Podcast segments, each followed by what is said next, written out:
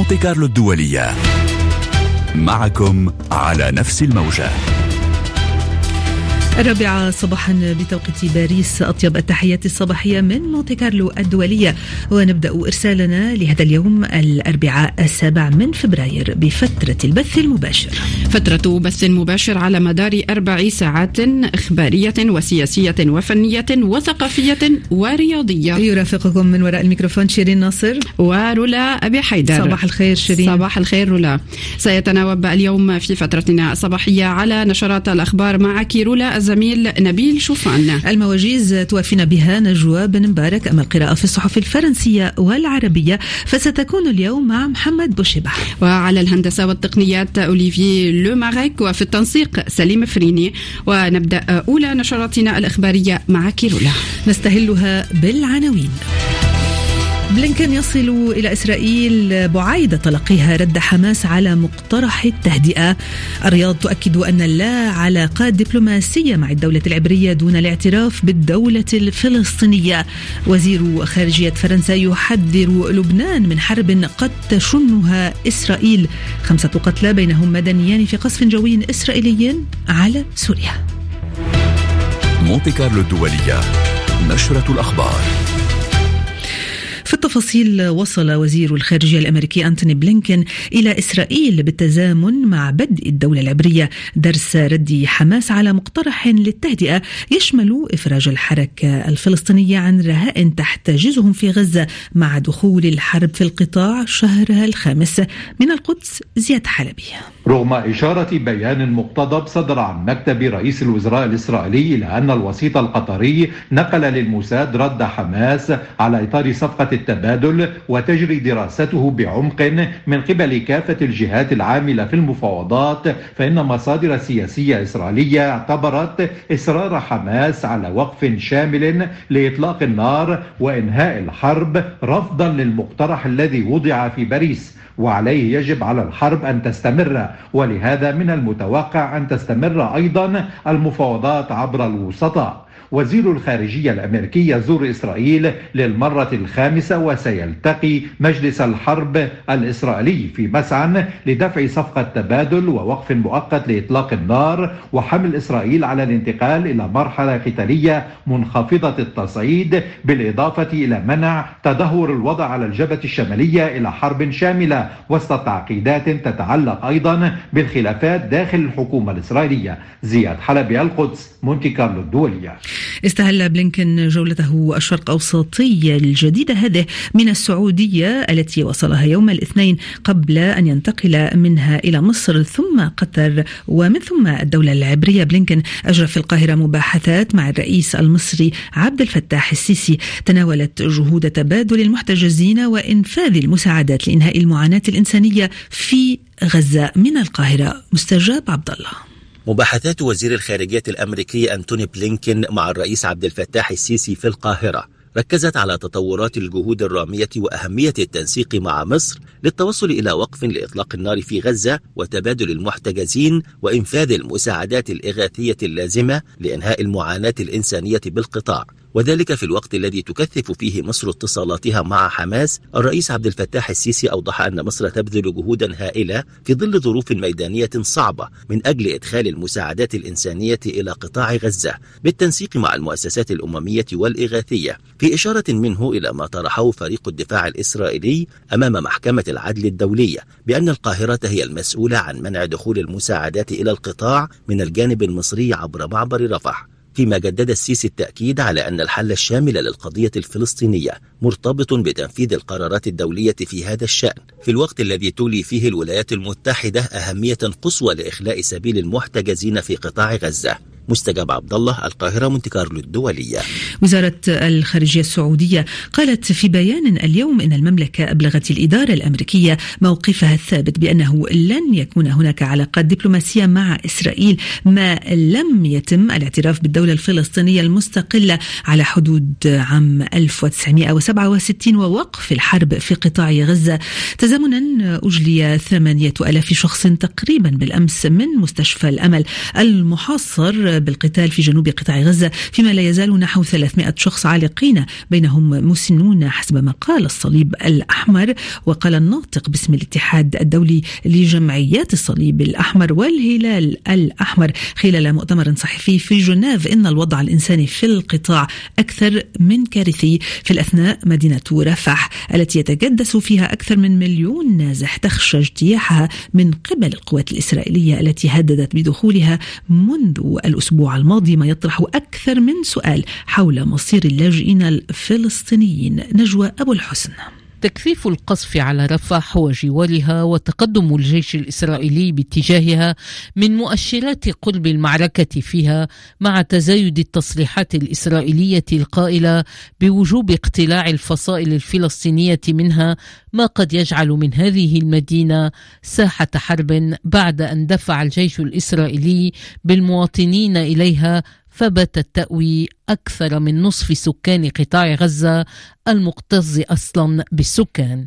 مكتب الأمم المتحدة لتنسيق الشؤون الإنسانية حذر من أن شمول رفح بالعمليات العسكرية قد يفضي إلى جرائم حرب يجب منعها بأي ثمن بعد أن أصبح النازحون عالقين فيها بدفع من إسرائيل التي تمنعهم من العودة إلى منازلهم. فيما مصر لا تبدي استعدادا لفتح الحدود أمامهم لخوفها من استيطان الفلسطينيين في سيناء. وبخصوص الجبهة مع لبنان حذر وزير الخارجية الفرنسي ستيفان سيجورني المسؤولين اللبنانيين من أن الدولة العبرية قد تشن حربا على لبنان من أجل إعادة عشرات الآلاف من مواطنيها إلى المنطقة الحدودية. وفق ما أعلن وزير الخارجية اللبناني عبد الله أبو حبيب سيجورني أجرى محادثات في العاصمة اللبنانية بيروت تناولت الوضع على الحدود من بيروت. نقولا ناصيف. في خلال جولة على دول عربية وإسرائيل عرج وزير الخارجية الفرنسي ستيفان سيجورني على بيروت لبضع ساعات أجرى خلالها لقاءات مع رئيس البرلمان نبيه بري ورئيس الحكومة المستقيلة نجيب ميقاتي ووزير الخارجية عبد الله أبو حبيب. في لقاءاته أحجم الوزير الفرنسي عن الإدلاء بأي تصريح. بينما أكد أبو حبيب أن الزائر حمل إلى لبنان رغبة إسرائيلية في إعادة سكان الشمال إلى مستوطناتهم مشيرا إلى أن لبنان لا يريد سوى تطبيق القرار 1701 كاملا. مضيفا نريد سلاما كاملا وانسحابا كاملا. ما حمله الوزير الفرنسي نفسه ما حمله في الأشهر الأخيرة المفدون الدوليون وبينهم فرنسيون وهو وقف التصعيد العسكري عند الحدود الدولية اللبنانية الإسرائيلية وتطبيق قرار مجلس الأمن بنشر قوة اليونيفيل والجيش اللبناني على الحدود ما يقتضي تراجع حزب الله إلى شمال نهر الليطاني يذكر أن وزير الخارجية المصري سامح شكري يزور بيروت الأربعاء. نقولا ناصيف بيروت مونتي كارلو الدولية وزير الخارجية الفرنسي عاد إلى باريس منهيا جولة في المنطقة. تزامنا أعلنت الخارجية اللبنانية أن وزير الخارجية في حكومة تصريف الأعمال عبد الله أبو حبيب استدعى سفير المملكة المتحدة في لبنان وسلمه مذكرات احتجاج تتعلق بزيارة وزير الخارجية ديفيد كاميرون الأخيرة إلى بيروت. بيروت وقد أثار هذا استغراب وزارة الخارجية البريطانية كما تنقل هدى الحسيني من لندن. الغريب في الأمر أن الزيارة كانت يوم الخميس الماضي في الأول من هذا الشهر وتزامن الاستدعاء بعد ستة أيام وفي اليوم الذي وقف فيه عبد الله حبيب الوزير اللبناني ضد تطبيق القرار 1701 وقال في تصريح صحفي أن الجيش اللبناني غير قادر على حماية لبنان. ورأوا هنا في أروقة الخارجية البريطانية أن أبو حبيب يعكس وجهة نظر حزب الله وليس الحكومة اللبنانية أو قيادة الجيش. مع العلم أن كاميرون كاميرون زار لبنان ليوم واحد وكانت الزيارة ضمن جولاته الإقليمية في المنطقة الأسبوع الماضي. وخلال محادثاته أثار كاميرون مخاوفه من التوترات المتزايدة على طول حدود لبنان مع إسرائيل. وشدد على التزام بريطانيا بدعم وقف التصعيد. كما زار قاعدة رياق الجوية في البقاع مؤكدا على التعاون الوثيق بين البلدين لتوفير التدريب لأفواج الحدود البرية الأربعة وعلى الشراكة طويلة الأمد والوثيقة مع الجيش اللبناني. اللبناني هدى الحسيني لندن مونte كارلو الدولية. وفي سياق التصعيد في المنطقة قتل خمسة أشخاص بينهم مدنيان في قصف جوي إسرائيلي استهدف منطقة حمص وسط سوريا ليلة أمس. بحسب ما أعلن المرصد السوري لحقوق الإنسان في حين أعلنت دمشق أن القصف أوقع عددا من القتلى والجرحى في صفوف المدنيين. عراقيا قالت وزارة الخارجية العراقية في بيان إن وزير الخارجية فؤاد حسين أكد في اتصال هاتفي مع وزير الخارجية الأمريكي أنتوني بلينكن على ضرورة العودة إلى الحوار وطاولة المفاوضات لبحث مستقبل التحالف الذي تقوده الولايات المتحدة في العراق.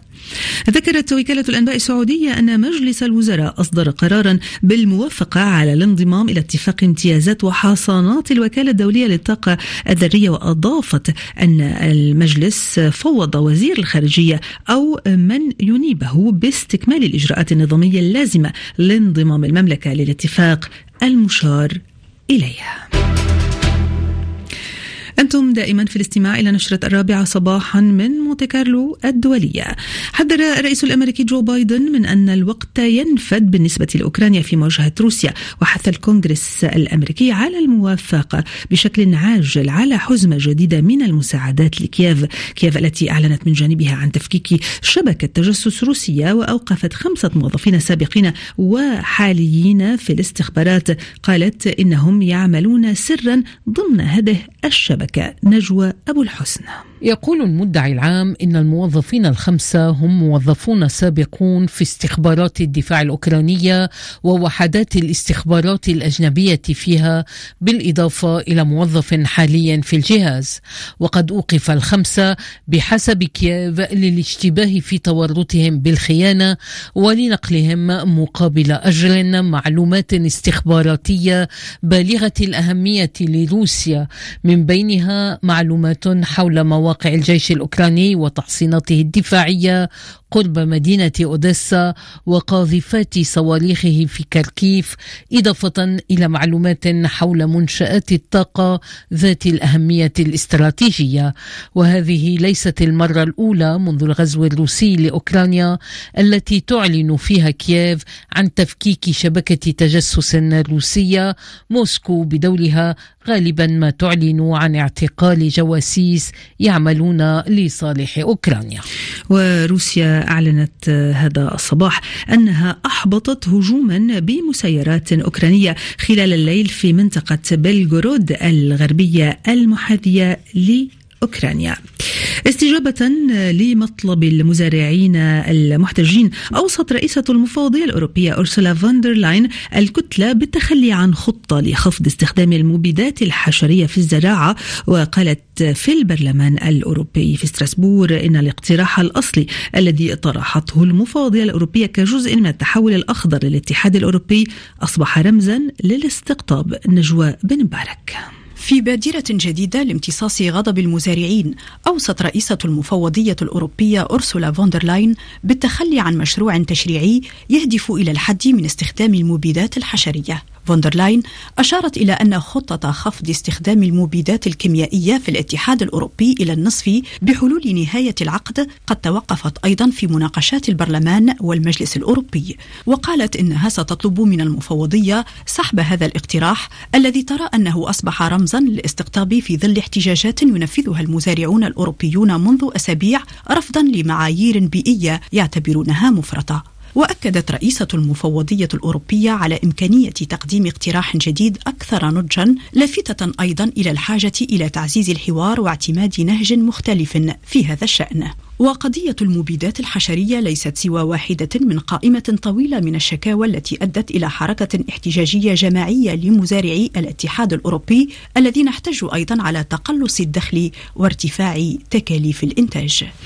وافقت دول الاتحاد الأوروبي على أول قوانين الكتلة المتعلقة بالتصدي للعنف بحق النساء على ما أعلن البرلمان الأوروبي ومسؤولون.